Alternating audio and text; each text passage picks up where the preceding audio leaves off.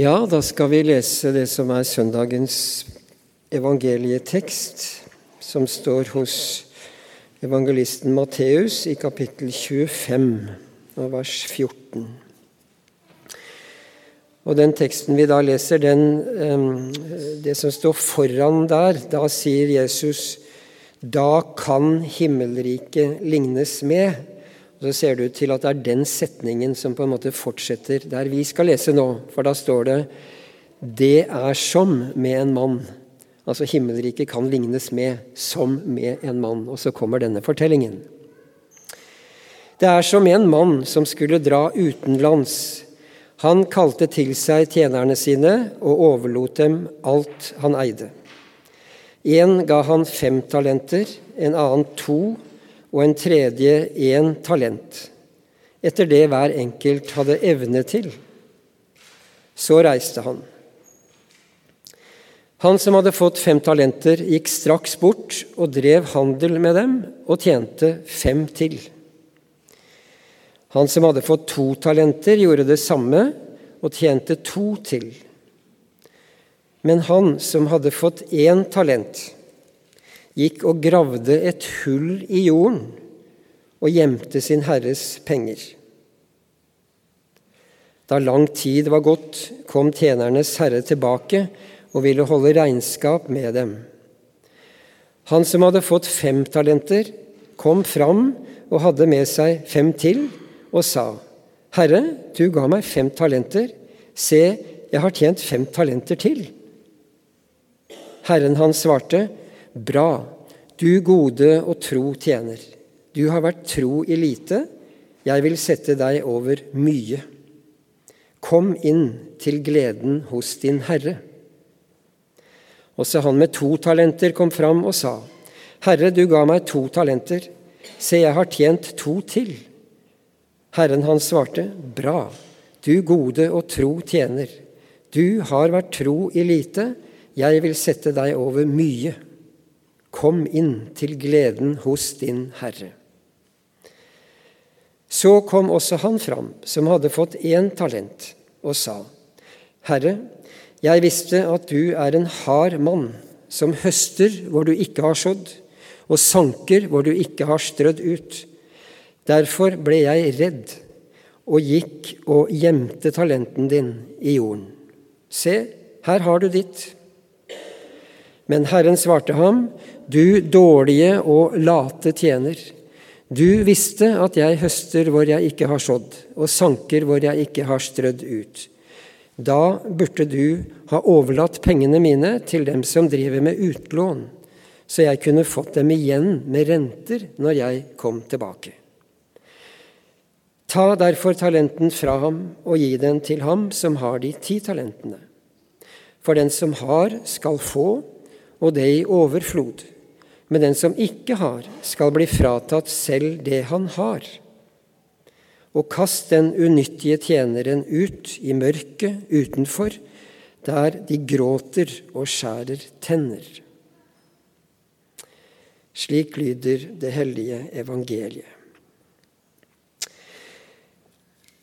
Altså, da kan himmelriket lignes med, sa Jesus. Himmelriket, hva er det? Hva er det i min bevissthet og i din bevissthet? Er det noe litt fjernt? Er det noe mest i det blå? Er det hverdagsnært og virkelig det med Guds rike? Hvis du gir den tanken plass. Jesus snakker om Guds rike som om det er et nytt område, et land vi kan bosette oss i, være statsborgere i. Jesus sier at Guds rike er veldig nær, og han sier det til alle som kan høre hva han sier. Guds rike, det er her i og med at Jesus gjør seg kjent. At du kan høre hva han faktisk sier, og om hvem han er. Så er det Jesus som definerer det som da er Guds rike nær. Og det, det, betyr at alle vi som hører det, kan, kan tenke og ta inn over oss nå er dette landet, området, til å bosette seg i, være en del av, helt nær.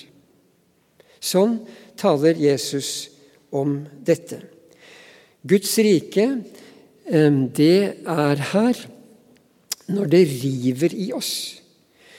Når vi merker at noe bryter med det gamle i oss av begjær, av snever selvopptatthet, og vi beveger oss mot det å åpne oss for kjærligheten hos Gud, tilgivelsen han gir, og åpner oss for det andre mennesket, ganske fri fra begjæret i oss selv. Det er Guds rike.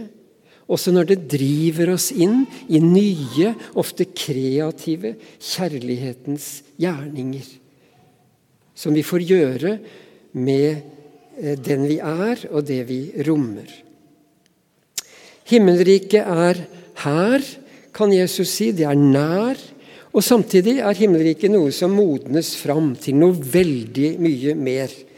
Når alt det gamle i denne verden blir mer og mer utslitt og ødelagt, så snakker Jesus om at Guds rike er virkelig nær og skal fullbyrdes på en helt omseggripende måte. Og Jesus snakker lenge, egentlig, om dette temaet, om den siste tid og det nye Guds rike som da kommer. Og vi er midt i denne litt lange talen om, som Jesus har, så han holder oss i dette temaet ganske mye, egentlig. Det er ikke alltid vi liker det så godt å, snakke om de siste tider og det ganske radikale og dramatiske som der skjer. Men Jesus velger å holde oss i dette temaet, og kanskje gjør han det mer nå, fordi vi kan merke så mange tegn på eh, at Guds rikes gjennombrudd snart kommer. Og vi skal da møte, sier Jesus, et regnskap, vårt eget regnskap, og et oppgjør. Enten lykkelig innenfor eller katastrofalt utenfor. Sånn snakker eh, Jesus om Guds rike, himlenes rike. De siste tider, når vannflom og styrtregn river med seg verre enn noen gang, og folk får vite i disse tider det kommer til å bli verre. Eller tørken, heten, som aldri har vært målt til så ille noen gang, og skogbrannene, som bredte seg så mye mer og så mye mer ødeleggende. Verre kommer det til å bli, får folk vite, som er midt oppi det. I Pakistan vi skal høre litt mer om det seinere i møtet, i Manipur i India hører vi for tiden om intenst kristenforfølgelse. Kirker blir brent en masse. Hjemmene til de kristne blir brent. Og der sitter folk i tro til Jesus i dag, gjemt i skogene, fordi de er kristne. Og går helt inn i noe av det Jesus sier trengselstidene. Og han snakker like herlig om å få være innenfor i Guds rike. Og ikke gi tapt, og, og få bli frelst. Himmel og jord skal forgå, sier han, men mine ord aldri. Alltid skal de leve, lyse, trekke på oss og ta oss inn i en ny verden vi kan bosette oss i og lære kulturen i og være i dette livet. Guds rike. Det er som, sier han, og da er han særlig med tanke på Guds rike da, i de siste tider. Og der er vi. Ehm, det er som Det betyr han bruker lignelser, for det er ikke så lett å finne helt vanlige ord for denne virkeligheten. Ehm, men han bruker bilder som gir oss mulighet for å gjenkjenne det som skjer, og hva som skjer i det som skjer. Det er som når en bedriftseier, sier han vel nærmest, eller en storbonde, blir borte en stund og må organisere virksomheten på gården eller i bedriften mens han er borte. Og Troens folk har tatt dette poenget veldig kjapt og til alle tider, tror jeg. Og det handler jo selvfølgelig om at det er denne tiden når Jesus eh, har fart til himmelen og er sånn sett borte i en viss forstand, og før han kommer igjen. Det har Kirken alltid liksom tolket ganske kjapt, at hva, det er dette det handler om. Hans fravær i en viss forstand før han kommer. De ansatte trekkes inn. Det er som om Gud eh, gjør det eh, med oss kristne. Og de får et nytt, tjenerne altså, betrodd og stort ansvar for alt han eier, sier Jesus i fortellingen. Veldige ressurser. En får fem talenter, en annen to. Eller bare én. En får bare én talent. Og vi tenker bare én? Er det bare? Det er visstnok 6000 dagslønner. Så hvis vi omsetter det til norsk valuta, så vil det bli 10-12 millioner, kanskje. Det er ikke så rent lite, det, for de fleste av oss. Så én talent er i seg selv kjempemye i, i, i denne fortellingen. Men det er tilpasset hver enkelt tjener. Det er altså en som vet hvem tjenerne er. Så han, han, han gir det som den enkelte tjener skal ha ut fra sine forutsetninger, og ut fra at Herren kjenner dem veldig godt.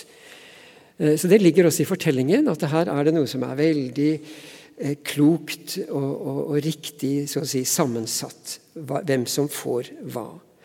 Og Så får vi historien, som er en veldig glad historie, om de fem som fikk fem. Eh, og som betyr at sånn kan livet ditt ligne en som lever Eh, en sånn glad historie helt fram til det punktet hvor du får høre Gå inn til din Herres glede. Og du er veldig gjenkjent. Og alt er bare gleden hos Herren. Og du er i den. I kontrast til denne fortellingen eh, dukker det opp en annen livsfortelling om han med et hull i jorden. Han visste hvor han hadde talenten sin. Han levde ellers livet på avstand fra talenten han visste han hadde et eller annet forhold til, men den bare lå der. Av frykt. Av frykt. Han hadde i seg en forestilling om at Gud, eller Herren da, var en hard mann. Det er ikke så helt uvanlig at forestillingen om Gud ender opp med å bli et eller annet som ligner mest på en hardhjertet mann, som krever det han ikke eh, egentlig har rimelighet for å kunne eh, få til å kreve, og som bare kjører på. Um, denne mannen opplever sin herre sånn, og velger å ha talenten sin begravd, ikke være forstyrret av den, ikke la talenten prege valgene i hans liv. Så han lever uforstyrret av den, egentlig, men han vet hvor den er. Og, og, og, kan på en måte gjøre rede for det. Sånn kan det bli for mange av oss som på en måte lever med mye sånn kristelig som selvfølgelig sant. Det er der, vi vet hva det er, men det kan liksom befinne seg på et ganske dødt sted. Litt i avstand til våre hverdagsvalg og det vi åpner oss for, og hvor vi drives med vårt liv og våre ressurser, eh, så ligger liksom den kristne kunnskap der. Kanskje i hodet mest, som går på ikke, ikke plag meg mer med at dette skal bli mer personlig og mer formende for meg i min hverdag. Sånn kan det veldig lett bli. Og jeg tror denne fortellingen hos Jesus peker på noe her. Sånn som det kanskje skjedde for den hjemmeværende sønnen. Som de fleste av oss eh, husker og vet hva er. Eh, som levde midt i tunet eh, hos den gode far. Men et eller annet hadde skjedd i han, så når sønnen, som er en synder, kommer og blir tatt imot i stor glede og med all tilgivelse han trenger, så vil den hjemmeværende sønnen han har ikke noe å forvalte av en glede. Det slår ikke ut i det hele tatt. Så han, han lukker seg som et eksempel på ikke-vekst midt i menigheten. Som er så vant til at liksom det er et eller annet som bare er der, mens livet leves i en viss avstand. Spørsmålet hvordan forvalte talentene sine. Det kan fort føre til en tanke for oss om å skulle være flink til noe. Eller å være god på noe. Eller å kunne utmerke meg litt med noe. De fleste av oss har jo litt en hang til det, å liksom få være litt spesielt, gjerne litt bedre enn noen andre rundt oss. Og noen blir ganske trygge fordi de har fått mye respons på sin flinkhet og sin dyktighet og i jobben. Så livet sånn sett har vært ganske godt på den måten. Eh, man har handlet og bygd og investert og vedlikeholdt. Så fem av et eller annet kan ha blitt til fem til. Og så Hvis vi trekker en sånn eh, mulig fortelling om, om et talentfullt liv, forvalte talenter videre, så havner vi fort, kanskje, i denne samtalen som en førte med seg selv. Nå har du mye godt liggende. Slå deg til ro, et og drikk og vær glad. Og riv ned og bygg større. Som nesten er et mantra for liksom hele liksom, hva skal vi si, det livet som forbrukersamfunnet og karrierejaget og det materielle veldig lett drar oss inn i. Det kan jo ikke bety det. Det kan jo virkelig ikke bety det som Jesus i en annen fortelling advarer oss imot. Men heller ikke motsatt, hvor det lett kan bli for noen. Jeg vet ikke om jeg har noe spesielt, jeg, som kan kalles mitt talent eller talenten. Og kanskje kjenner du deg litt utafor. Ser egentlig ikke noe særlig stort ved deg selv å snakke om. Og noen blant oss sliter rett og slett med en kraftesløshet i livet. Utmattelse. Noen har fått en slags litt uklar diagnose i livet som heter ME. Som betyr at noen dag etter dag, uke etter uke, år etter år stort sett ligger i en seng med gardinene trukket for og orker ingenting. Heller ikke mentalt, tankemessig arbeid før de kjenner seg helt utslitt. Eller som en som delte med meg nylig eh, Ikke nylig, det var en god stund siden. Hun var rett og slett litt anfektet og urolig. Kan jeg være Jesu disippel? Hun hadde vært lenge sykemeldt. Hun visste hun hadde fått en del gaver og hadde brukt dem. Nå var det ikke sånn lenger. Og hun kjente i sitt innerste kan jeg egentlig være en Jesu disippel? Jeg får jo ikke brukt meg til det jeg trodde var mitt kall. Det kan jo ikke bety det. Og så var det hun som nylig fortalte meg, det var det jeg kom på, som sa at at hun hadde skjønt at hun måtte slutte å trampe på den som var Guds elskede. Det var stygt, og hun skjønte at hun gjorde det. Og det hun hadde skjønt, var at hun selv, med en litt krevende livshistorie bak seg, hadde endt opp med mye å tråkke på seg selv. Og avlyse seg selv som et menneske som kunne på en måte si ja til til oppgaver og ja til å åpne seg for det hun ellers kjente var godt og rett, fordi hun merket hun var nærmest en dritt inni seg. Og skjønte at hun kunne jo ikke fortsette sånn, som et elsket menneske, for det gikk opp for henne. Så den der rare kontrasten i en selvfølelse som var ganske dårlig, med at hos Jesus så var hun en dyrebar, elsket vesen, det satte henne på et nytt spor.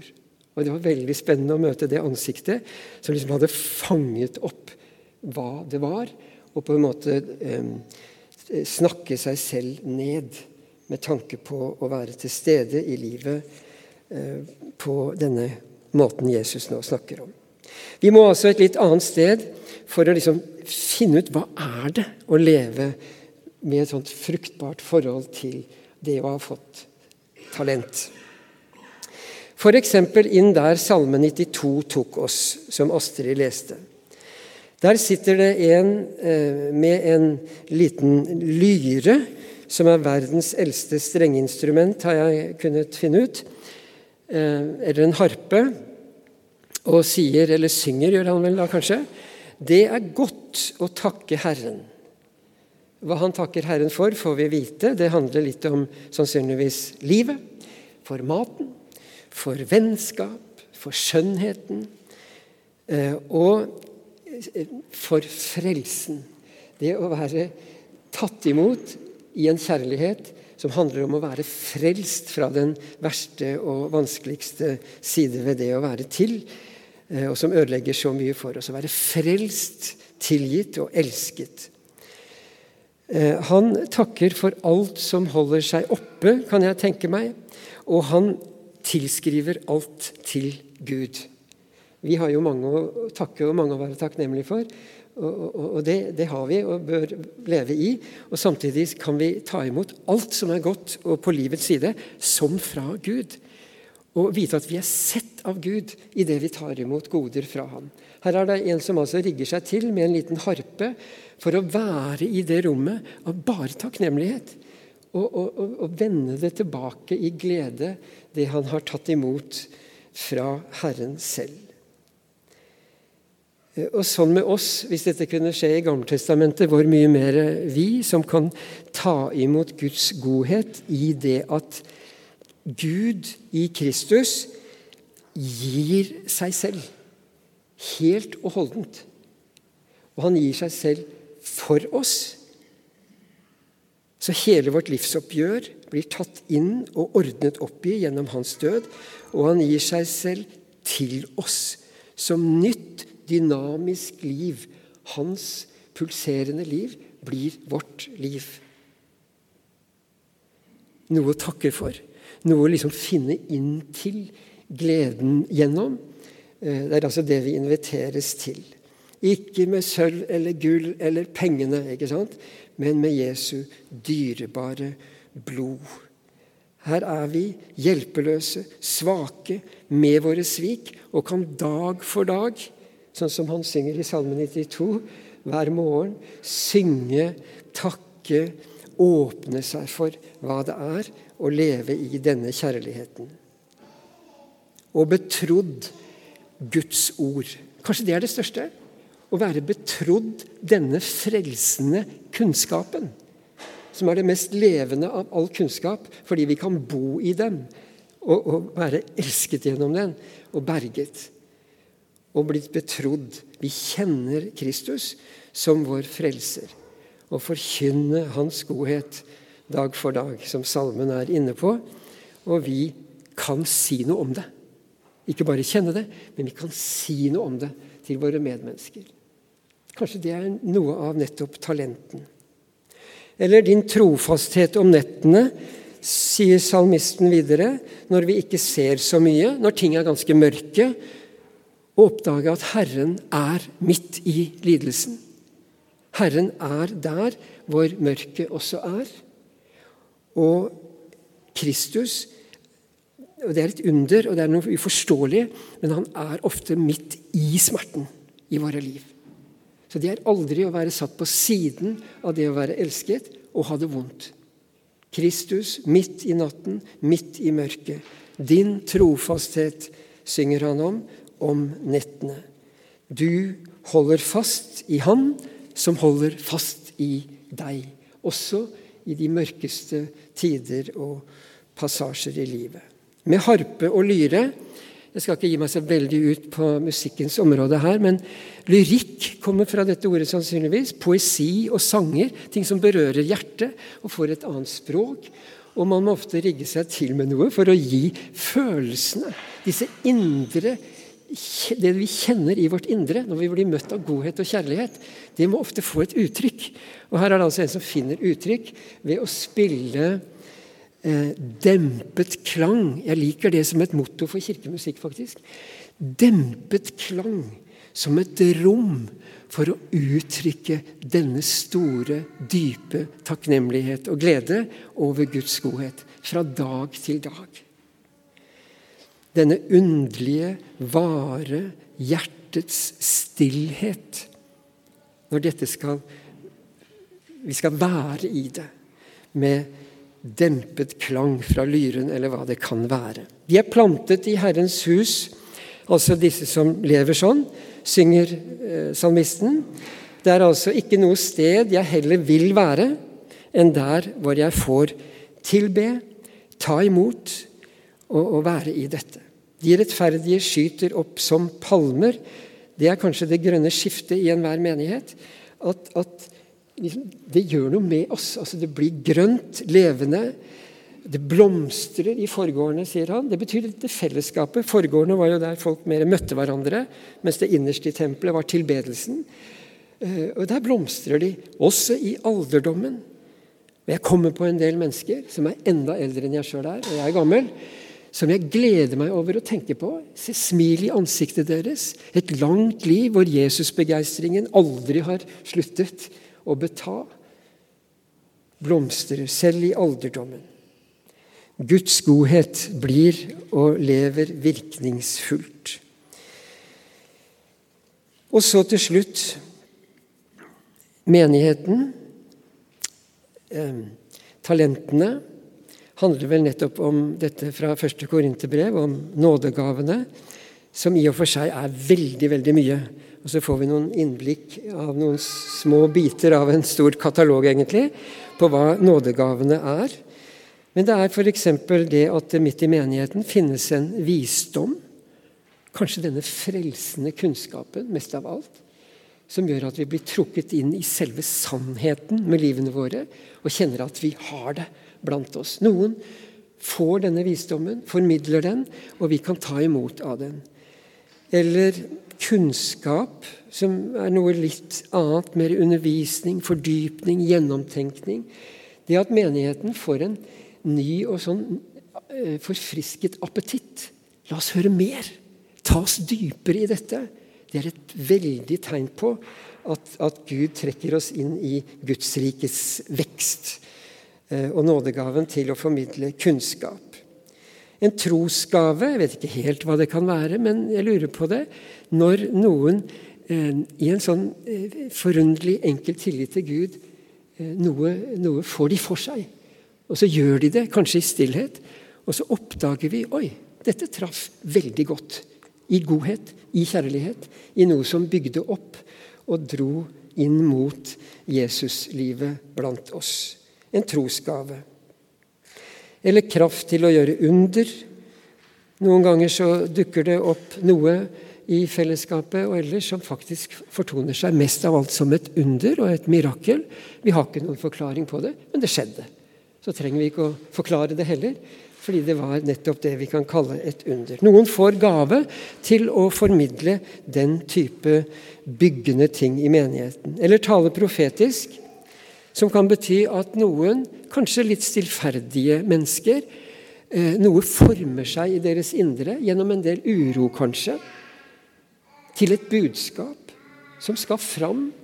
Og når vi hører det midt i menigheten, det kan være, kjennes både godt og litt vanskelig, så merker vi dette er noe vi trenger å respondere på.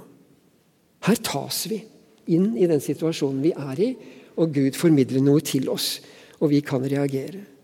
Profetisk tale er kanskje noe som burde få vokse enda mye mer fram, og som også kan skje i vanlig forkynnelse og sånn, men noen får en spesiell gave til av og til å tale det som trengs å høres nettopp her, for den enkelte, eller kanskje for nettopp dette fellesskapet som vi utgjør.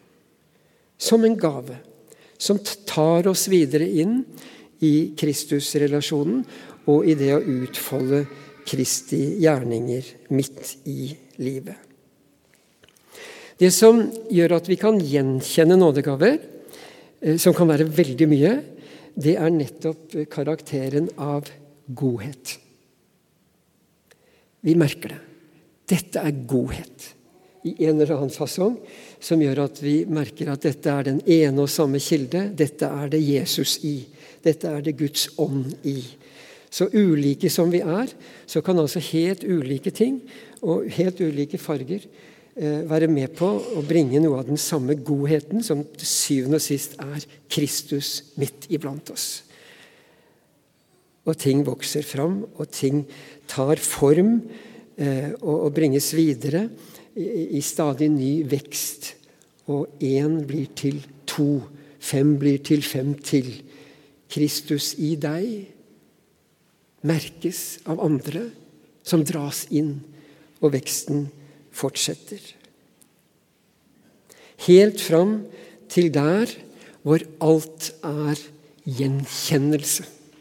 En som kjenner deg der du kommer, og du skal få høre du skal komme inn til Herrens, eller din Herres, glede. Og alt er glede. Amen.